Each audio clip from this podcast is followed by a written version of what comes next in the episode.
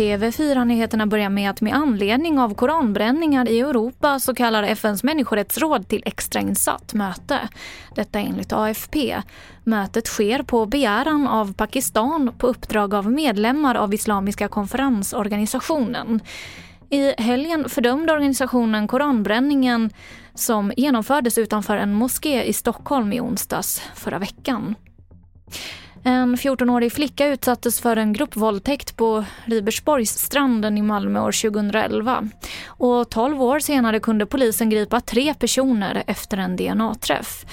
Idag meddelade Malmö tingsrätt att de åtalade männen som idag är i 30-årsåldern frias från brottsmisstankarna om grov våldtäkt mot barn. Vad det är som gör att de frias har att göra med helt andra saker, säger rättsexperten Johanna Björkman. Och mer om det här finns på tv4.se.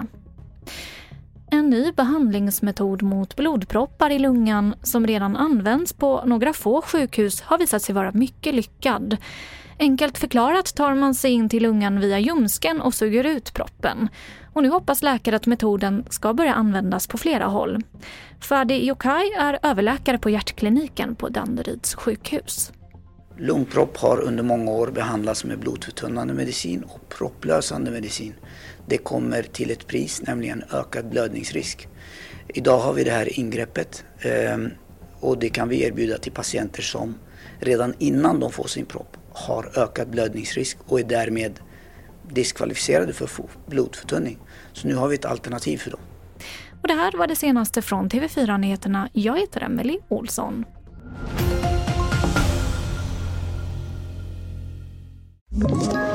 Ett poddtips från Podplay. I fallen jag aldrig glömmer djupdyker Hasse Aro i arbetet bakom några av Sveriges mest uppseendeväckande brottsutredningar går vi in med hemlig telefonavlyssning och, och då upplever vi att vi får en total förändring av hans beteende. Vad är det som händer nu? Vem är det som läcker? Och så säger han att jag är kriminell, jag har varit kriminell i hela mitt liv men att mörda ett barn, där går min gräns. Nya säsongen av Fallen jag aldrig glömmer på Podplay.